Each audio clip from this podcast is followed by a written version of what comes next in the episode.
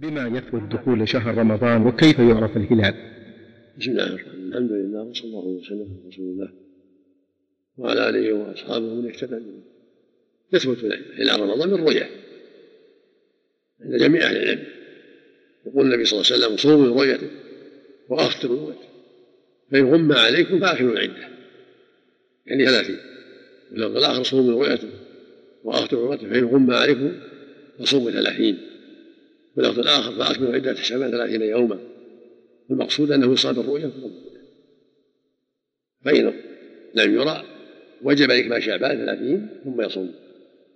ويجب إكمال رمضان ثلاثين ثم يفطر إذا لم يحصل الرؤيا.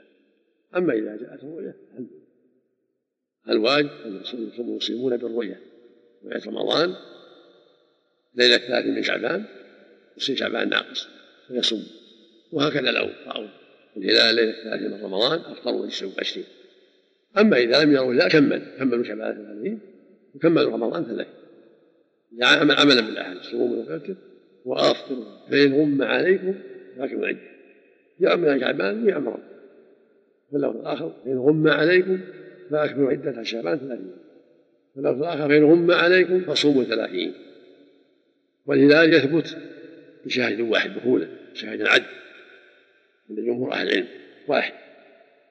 لما ثبت عن النبي صلى الله عليه وسلم ترى أن ابن عمر ترى قال ترى الناس الهلال فرأيت أخبرت النبي أني رأيته فصام وأمر الناس بالصيام.